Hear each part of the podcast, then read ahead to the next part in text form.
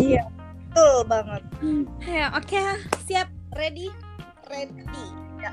Satu, dua, tiga. Uh, oh iya, hari ini aku mau ngobrol seputar tentang lockdown. Topiknya jadi ini lockdown ya.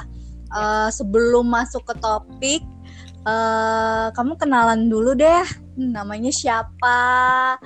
Dari mana? Gitu. Kok bisa kita berdua kenal? Cile. Oke. Um, perkenalkan, nama saya Melia, biasa dipanggil Amel. Posisi saya saat ini ada di Kota Jayapura, yaitu ada di Papua. Uh, keseharian saya sekarang berada di rumah melaksanakan karantina mandiri untuk mencegah terjadinya penularan COVID-19 seperti itu. Oke, ini kita ngobrolnya santai aja ya. Kalau mm-hmm. Amel mau ketawa ketawa aja kalau mau ini ya buat senatural aja lah kayak ngobrol-ngobrol biasa aja hmm. gitu baiklah oke. Uh, Mel, menurutmu nih sebagai warga kota Jayapura rasanya ketika kota Jayapura di lockdown tuh gimana kan kita di lockdown itu tanggal berapa sih? Dua bulan Maret apa nih? Bulan Iya, 24 Maret ya. 24 Maret udah penutupan secara mm-hmm. keseluruhan Papua. Nah itu kan uh, ada udara, terus maupun laut, itu kan semua diaksesnya ditutup ya. Mm-hmm. Jadi cuman apa kapal aja kan yang bisa masuk. Uh, menurutmu gimana sih rasanya ketika tahu, waduh di lockdown gitu loh Jayapura? Oke, perasaan pertama pada saat terjadinya lockdown itu kaget karena di Papua tidak pernah ada namanya musibah atau bencana alam yang besar. Pertamanya itu pasti kaget, kemudian apa ya kalau dibilang speechless iya ada tapi mungkin karena bawaan masyarakat Papua yang santai jadi tidak terlalu heboh seperti itu. Cuman pada okay. saat pertengahan mau masuk bulan April itu mulai was-was, mulai was-was karena satu uh, perekonomian di Jayapura mulai terhambat. Akses makanan, pangan itu mulai mahal, naik seketika. Jadi membuat kita itu secara keseluruhan mulai menimbun. Padahal pemerintah kan menjamin pada saat lockdown akan ada persediaan. Namun karena mungkin karena kita tidak bisa menyesuaikan dengan daerah barat sehingga harga-harga tuh mulai anjlok meningkat. Itu sih yang saya rasakan selama lockdown. Ya, aku juga ngerasa seperti itu sih, seperti uh, kemarin-kemarin tuh nyariin telur, telur pada habis semua dan setengah mati banget nyariin telur, bawang merah apa ya kalau nggak salah pas waktu ke Saga itu juga pada habis jadi tuh serba serba apa ya orang tuh jadi panik buying gitu loh uh, oh iya di lockdown barang-barang bakal habis jadi diborong hmm. detol kayak cairan cairan detol itu untuk mandi itu juga pada habis di mana di toko-toko gitu ya ada beberapa barang yang memang benar-benar kita butuhkan itu pada habis semua. Mm-hmm. Apalagi yang pas apa masker itu mm-hmm. juga pada habis benar, semua. Benar-benar pada saat mm-hmm. pada saat tahu-tahu ada COVID dan itu menyebabkan kematian, otomatis kita yang jarang cuci tangan, sering memegang wajah tiba-tiba membuat kita menjadi lebih care. Namun cara care kita itu secara mendadak. Jadi kita tuh kayak kalau kabut, berasa besok kiamat. dikit-dikit cuci tangan, dikit-dikit cuci tangan, dikit-dikit. Jadi semua apa ya barang mungkin ini teguran dari yang di atas kenapa? Karena kita kurang care sama diri kita sendiri. Kayak apa ya mungkin seenaknya kali ya dari pakai masker langsung buang kebiasaan nggak mencuci tangan saat makan. Jadi para medis itu kan sering memperagakan cara cuci tangan baik dan benar. Dan kita selalu menyepelekan misalnya tidak terlalu care sehingga pada saat musibah ini orang semuanya jadi mulai percaya bahwa oh harus diceritakan secara apa ya secara langkah demi langkah gitu Terus Mel, terus ngelihat situasi seperti ini ada nggak sih uh, mimpi kamu di 2020 tuh yang ambiar yang udah kamu preparein? Iya ya kata almarhum Didi Kempot gitulah ambiar udah kamu preparein tahun kemarin. Terus tiba-tiba uh, loh ada pandemi kayak gini kan jadi jadi apa namanya jadi terhambat. Kayaknya bukan kita aja ya seluruh Indonesia yang merasakan ya. merasakan buntu merasakan aduh udah nggak tahu nih gimana kayak gitu. Bener. Jadi kalau Gimana, mimpi kamu apa tuh? Kalau dibilang mimpi pasti kita punya master plan kita bulan ini mau ngapain minggu ini mau ngapain next tahun depan mau ngapain namun pada saat ya, berita masuk ke Papua bilang sudah ditemukan tujuh orang positif. Ah, pemerintah kaget, pemerintah langsung lockdown. Otomatis mimpi saya di next bulan depan April itu terhambat. Karena rencana-rencana saya kan saat ini saya ada karantina mandiri di rumah saya nggak punya pekerjaan pertama.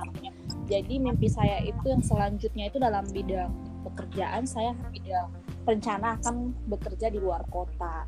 Namun karena terhambatnya karena musibah ini musibah yang sangat kalau dibilang dia tidak kelihatan dia masuk ke dalam tubuh manusia pun tidak kelihatan mengakibatkan akses udara laut itu tertutup.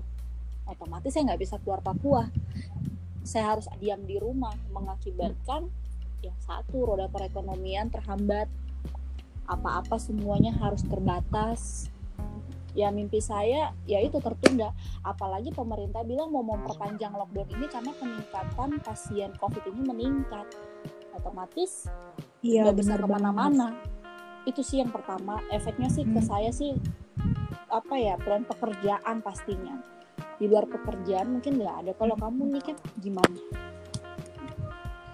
Ya kalau aku pribadi ya benar-benar kayak apa ya waktu itu tuh kan emang udah nge-preparein. Oh ya kalau memang ini tahun ini mungkin bakal keluar kota juga. Bakal keluar kota cari pengalaman baru kayak gitu kan. Mm -hmm. setelah udah preparein uh, nunggu kapan ya jadwalnya keluar ini dan jadwal pun udah keluar ternyata ada pandemi ini. Aku pun nggak bisa ya keluar keluar kota.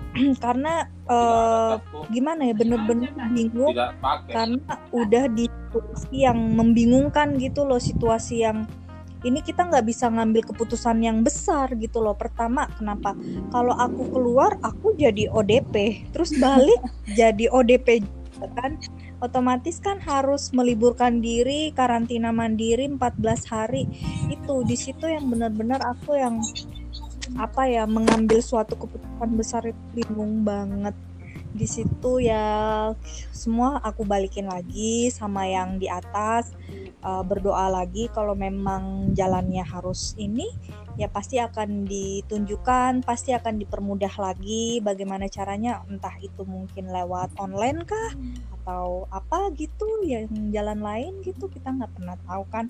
Yang penting udah mengupayakan gitu. Hmm, hmm, benar sih tapi ada keuntungan lockdown kan buat buat mikir apa coba keuntungan lockdown yang kamu rasa ketika oh saya harus tetap bekerja di dalam kondisi lockdown dan negatif positifnya apa Hmm, kalau aku bicara negatif dulu ya. Hmm. kalau negatif, uh, menurut aku yaitu uh, kita, aku selaku tenaga medis, otomatis kan harus berhadapan dengan pasien OTG, ODP, itu yang apa namanya itu yang bikin kita was-was. Apalagi dengan minim APD, minim APD, uh, kita tuh ya kalau misalnya uh, aku kan kerja di radiologi. Otomatis kalau misalnya ada pengantar foto dia pada saat di rapid test dia positif dan dia PDP uh, eh, itu kita udah tenang gitu loh. Maksudnya kita udah ada persiapan. Nah kalau seandainya seandainya uh, kayak ODP OTG kita nggak tahu gitu loh. Kita nggak tahu uh, mereka itu uh, apa namanya? kita nggak pernah tahu. Maksudnya waduh ini BP gitu loh. Jadi kita ada persiapan sama sekali gitu loh hadapin mereka.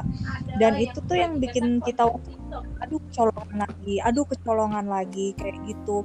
Nah kalau untuk positifnya yaitu uh, kita lihat ya dari sekarang hmm. uh, kemarin-kemarin jalanan sempat sepi sirkulasi udara jadi bagus terus apa nih namanya orang-orang makin apa berhati-hati, mulai pakai masker, terus mencuci tangan kayak di mall-mall, terus di beberapa ATM gitu uh, pada pada disediain gitu. Jadi kayak gaya hidup sehat gitu loh.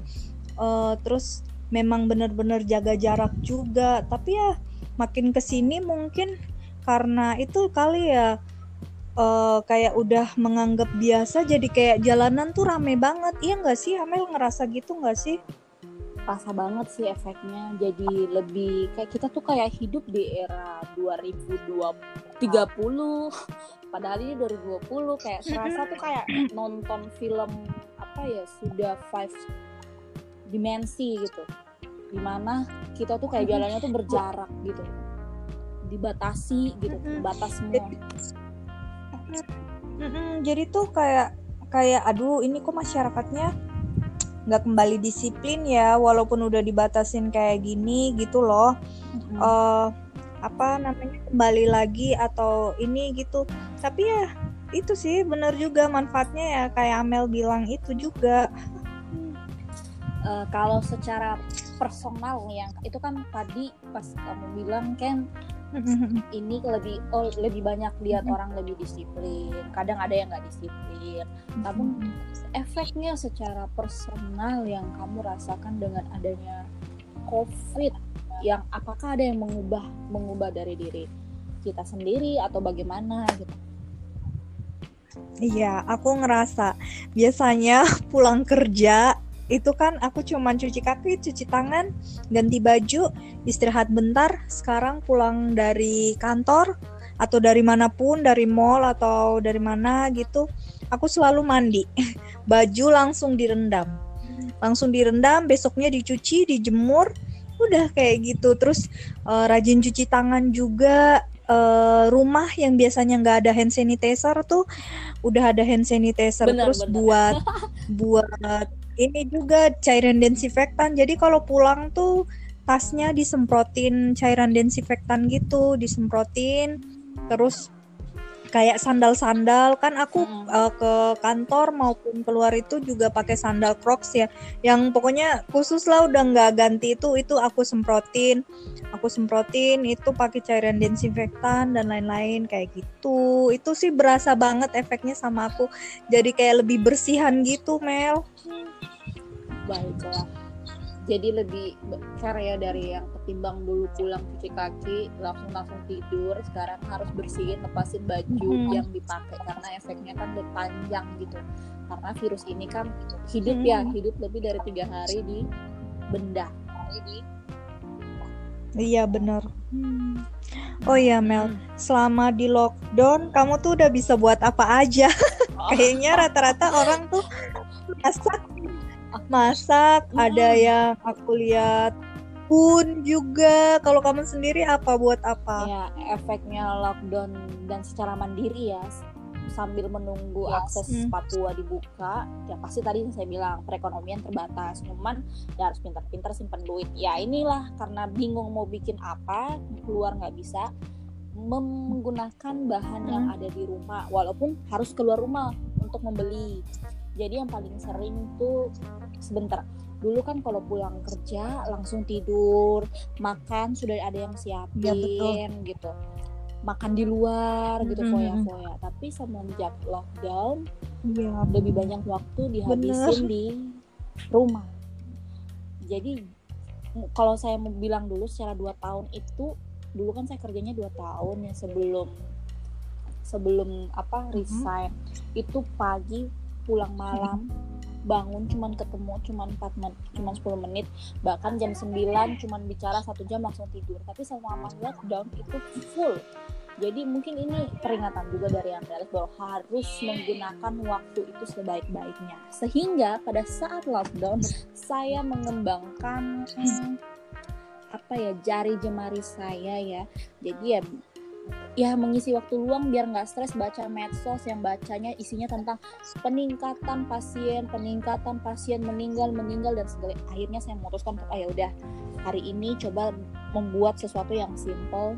Ya itu biasa kalau cewek kan pasti di dapur. Ya bikinlah kue. Walaupun gagal ulang lagi ulang lagi dengan bahan yang seadanya yang mungkin masih bisa dijangkau. Namun semenjak kayak tadi nih kan cerita tentang telur. Telur naik harganya sampai 100 ribu. Dari 100 ribu kita kan nggak bisa apa namanya beli banyak. Jadi harus menghemat ah, karena kan sembako mahal gitu akses masuk ke Papua.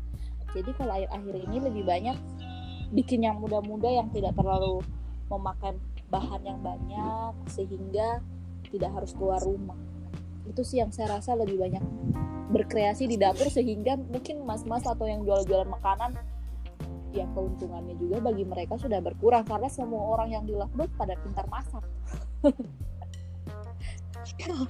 Iya bener bener bener semua tuh bisa kalau mau belajar ya bener ya sih apa nih namanya banyak juga orang yang jadi takut kan kalau mau makan di luar atau apa gitu jadi masak kan mm-hmm. jadi masak uh, apa nih namanya jadi masak di rumah terus uh, buat apa gitu udah udah jago-jago banget loh aku lihat tuh kalau di sosmed udah pinter buat kue ini kue itu ya termasuk Bener. Amel juga sih semuanya jadi pinter masak. Yang biasanya males kita mm -mm, semua jadi pinter masak kasihan gitu mas-masnya di luar sana yang lagi cari uang sana yang lagi cari mm -mm. apalagi yang paling mudah itu bener, kalau bikin bener. ini martabak.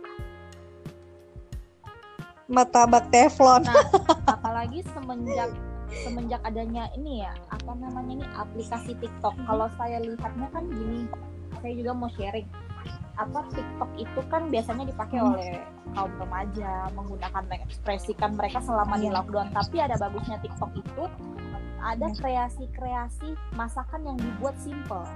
Jadi saya sering scroll itu muncul di Instagram. Jadi langsung buat. Iya iya iya. Iya. Kalau kamu gimana kan ya itu sih. Pokoknya kalau mm, manfaat manfaat lockdown untuk kota Jayapura sendiri tuh ya udah sama ya Mel sama kayak hmm. kamu aku juga tuh sempat uh, apa aja tuh aku ya masak terus uh, oh iya aku ada buat salah satu salah satu bukan karya sih lebih tepatnya tuh mengkreasikan sesuatu gitu tapi aku mau buat itu biar bisa dipakai orang gitu loh. Cuman masih masih dalam tahap desain sih masih dalam tahap desain. Terus minta tolong teman juga buatkan uh, apa nih namanya desainnya gitu dari pemikiran aku. Ya gitu tinggal nunggu aja gitu. Mudah-mudahan sih terrealisasikan. Yang bisa digunakan untuk orang gitu ya, ya ya iya. Hmm. penasaran nah, kan? penasaran kan, kan? buat orang nih. Apakah apa? itu untuk kita lihat dulu apakah itu untuk wanita atau laki-laki atau untuk covid? Itu kan itu yang harus saya tanyakan karena tadi uh, dia bilangnya ini lagi minta desain orang buat dibuat orang. Itu gimana? Uh, ini sih ini sih uh, aku buat desain gitu terus uh, nanti paling dipakai untuk cewek gitu loh. Pakai untuk cewek. Ya kalau untuk untuk covid untuk ini aku masih udah udah kepikiran sih tapi pengen merealisasikan itu cuman tinggal nyari orang orang dulu buat buat itu gitu loh. Karena aku kepikirannya gini pengen banget buat masker ya masker dari kain itu kan banyak ya. Terus ke tukang jahit apalagi sekarang aku lihat di rumah sakit itu banyak keluarga-keluarga pasien yang misal nungguin pasien atau dorong pasien itu nggak pakai masker Mel. Di situ kan uh, bahaya kan? Daripada bahaya daripada orang yang pakai masker kan? Kalau dia orang sakit pakai masker kita masih maksudnya ada kemungkinan berapa persen lah kita terpaparnya. Hmm. tapi kalau orang yang nggak pakai masker akan jauh lebih bahaya gitu. Hanya itu aku pengen pengen banget itu. Ya mudah-mudahan lah. Hmm. hmm. kalau Amel sendiri selain masak itu aja. Yang masak mungkin saya sementara. lebih banyak nonton. Ya yang lagi maksudnya ya selama lockdown ini kan kita nggak punya kegiatan apa apa selain masak main handphone mm-hmm. gitu. Bercocok tanam. ya, betul. tapi ya tanaman juga nggak ada. Palingan tanaman depan rumah seperti biasa disiram membersihkan seperti biasa.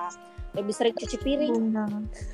Lebih ya. sering mandiin binatang peliharaan. Iya kalau kayak gini kemudian lebih seperti ini ya apa kalau dibilang ya kalau malam itu nonton drama.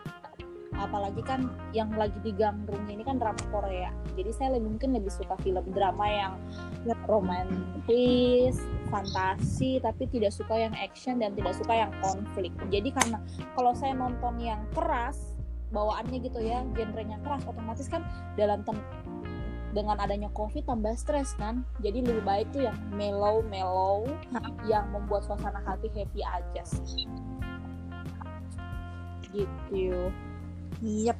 Kalau misalnya kan Niken kan ini kerja kan, hmm. maksudnya kerja hmm. dengan suasana seperti ini ya wajar tenaga medis pasti seperti itu. Namun yang saya mau tanya, kita kan nggak pernah berharap terjadinya COVID. Ini kan ibaratnya ya siklus hmm. alam sedang memperbaiki diri. Kalau dilihat dari satu sisi pernah nggak sih iya. apa perasaan kamu aduh saya nggak mau kantor ah saya takut. Kan setiap ini kan ini mungkin agak saya mau lebih tanya ke medis. Yep. pernah nggak sih dalam benakmu itu bertanya kok kayak begini sih? Kok saya harus ada di depan? Harus seperti ini harus seperti ini dan apa yang harus kamu lakukan untuk mau kayaknya have fun aja gitu. Ya seperti berjalan waktunya aja gitu. Kerja pulang. Kan beberapa orang kan banyak yang mengundurkan mm -hmm. diri kan karena takut. Iya nah itu gimana? Jadi awalnya aku juga jujur aja takut takut banget uh, apalagi dengan minimnya APD kita di lapangan gitu. Tapi semenjak uh, apa namanya kita uh, kecolongan kecolongan kecolongan terus akhirnya uh, kita kita uh, apa menggunakan APD semaksimal mungkin.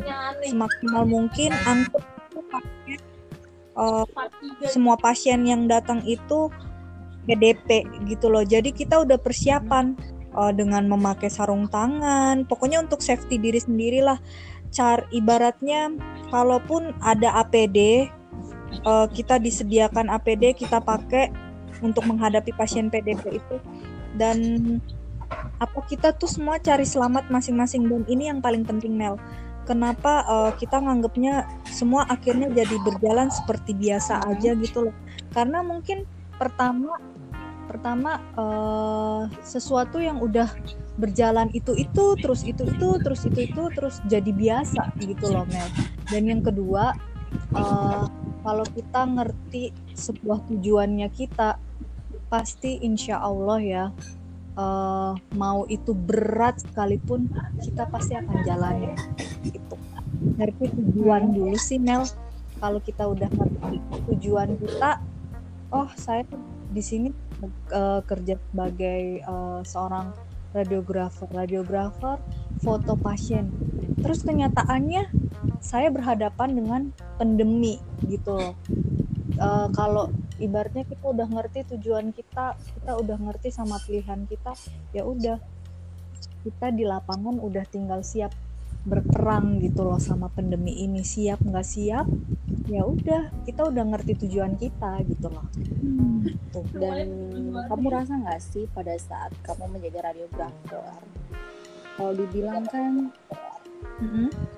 apalagi kan apa ya ronsen seperti itu apa kita kan nggak tahu pasien itu covid atau tidak kan seperti dibilang uh, virus ini tidak kelihatan dan itu kan memang dari panggilan hati ya untuk menjadi tenaga medis maupun relawan dan dan menjadi profesi tiap orang gitu.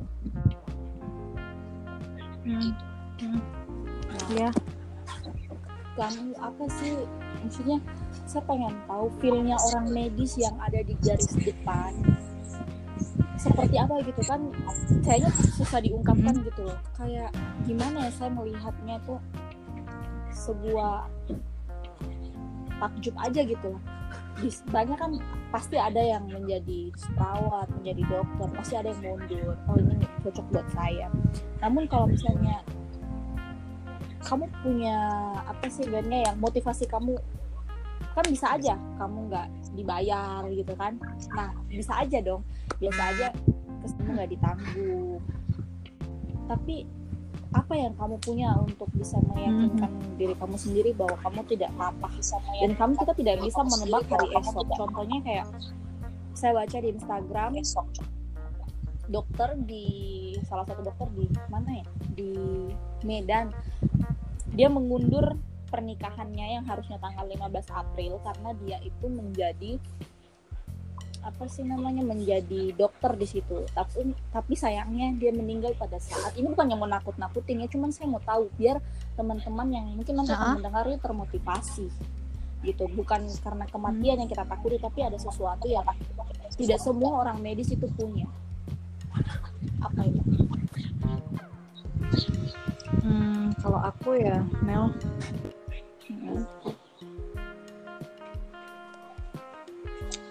Udah pasrah. Terus ya itu yang aku tadi bilang tujuan kita adalah kita ngerti dulu tujuan kita. Terus aku tuh jujur aja eh, karena niatnya nolong orang Mel.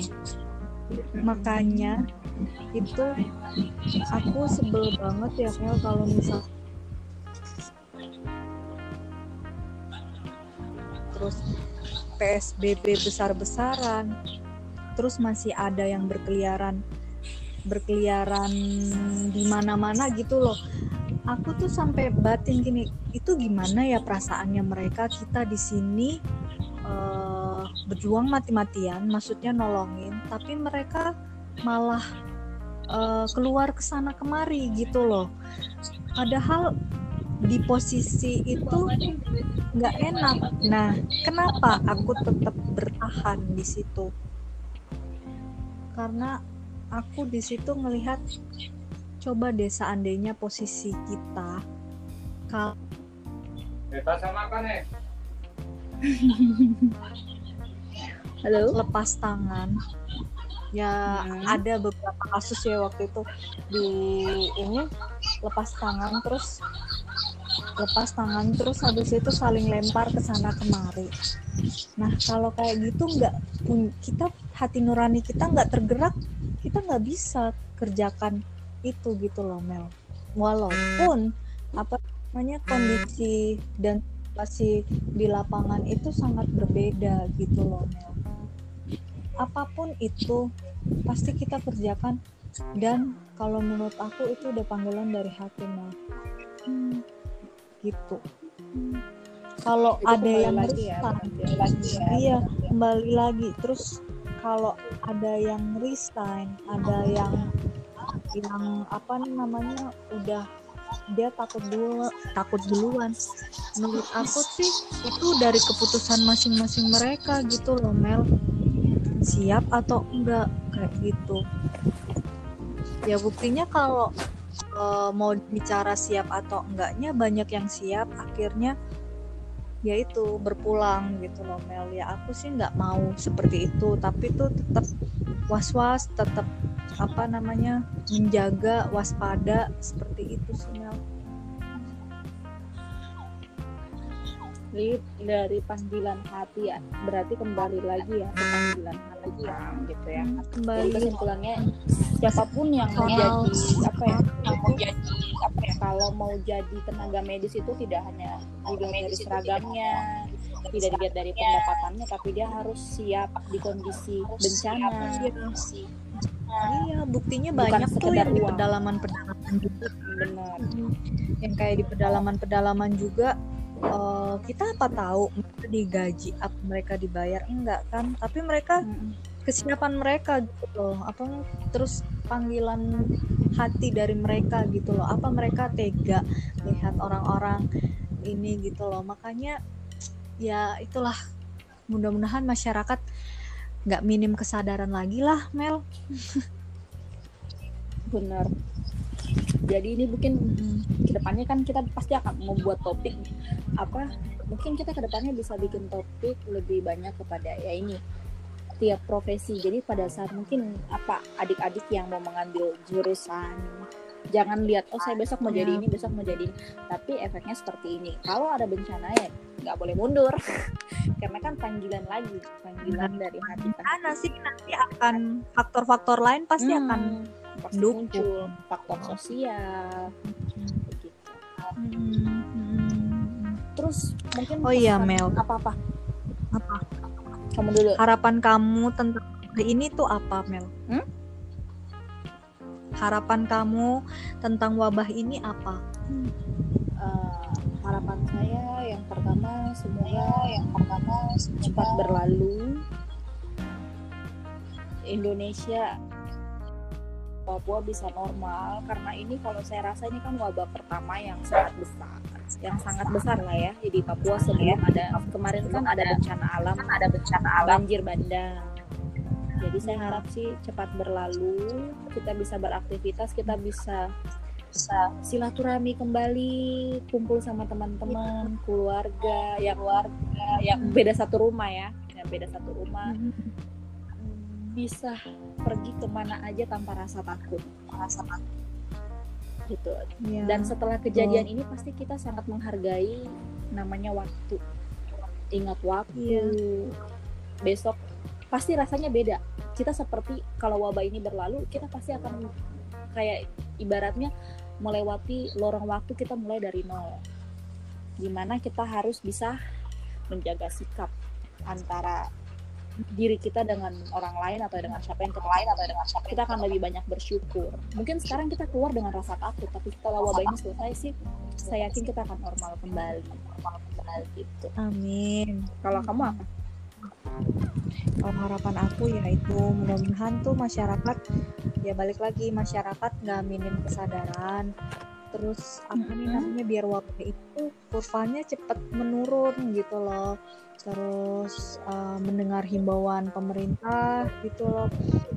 Terus eh, apa namanya pokoknya pandemi ini tuh segera berakhir biar bisa lekas bertemu kembali.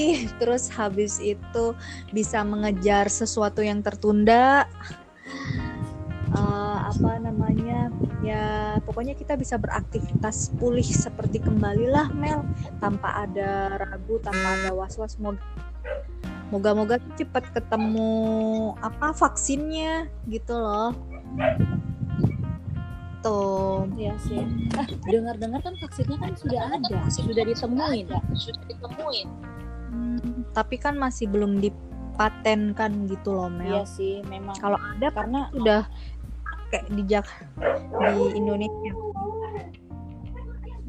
Iya sih benar. Karena yang muncul di berita ya, yang saya di online itu di Amerika udah nemuin vaksinnya. Dan sudah di apa ya sudah diberikan kepada nggak tahu ya ini kan ini karena kan sumbernya saya lihat dari ya salah satu akun Hotman Paris. Kemudian lihat di TV One menyampaikan bahwa telah ditemukan vaksin atau obat cuman lagi diproduksi namun harganya memang fantastis cuman katanya dari pemerintah pemerintah Amerika ini karena wabah ya pasti dia akan ya lumayan lah mungkin ya kasih lebih atau kasih harganya lebih sedikit murah atau bagaimana saya nggak tahu. Tapi ya semoga ya obat itu segera ada sampai di apa sampai di Jayapura bahkan atau mungkin sampai di Indonesia sehingga mengurangi mengurangi apa ya banyaknya kasus nanti kasus Yap. Hmm. Ya, seperti itu sih Mel. Pokoknya eh, bincang-bincang kita eh, udah sampai 37 menit loh, 23 detik. Bener. Nggak terasa ya. Semoga podcast pertama kita ini. Ya. Celoteh celoteh celoteh gini aja tapi ya mudah-mudahan bermanfaat sih sama mungkin banyak yang dibahas juga sama orang-orang tapi ini dari versinya aku sama kamu. Halo? harapan-harapan kita yang menjadi doa nih terkabulkan ya Amel Benar, benar, benar. Berharap semuanya bisa terkabulkan. Kita Iya. bebas. Oke deh Mel, sampai di sini aja. Sampai ketemu di celoteh-celoteh berikutnya. Terima kasih Amel. Iya, sama-sama. Sampai ketemu lagi di celoteh celoteh chant.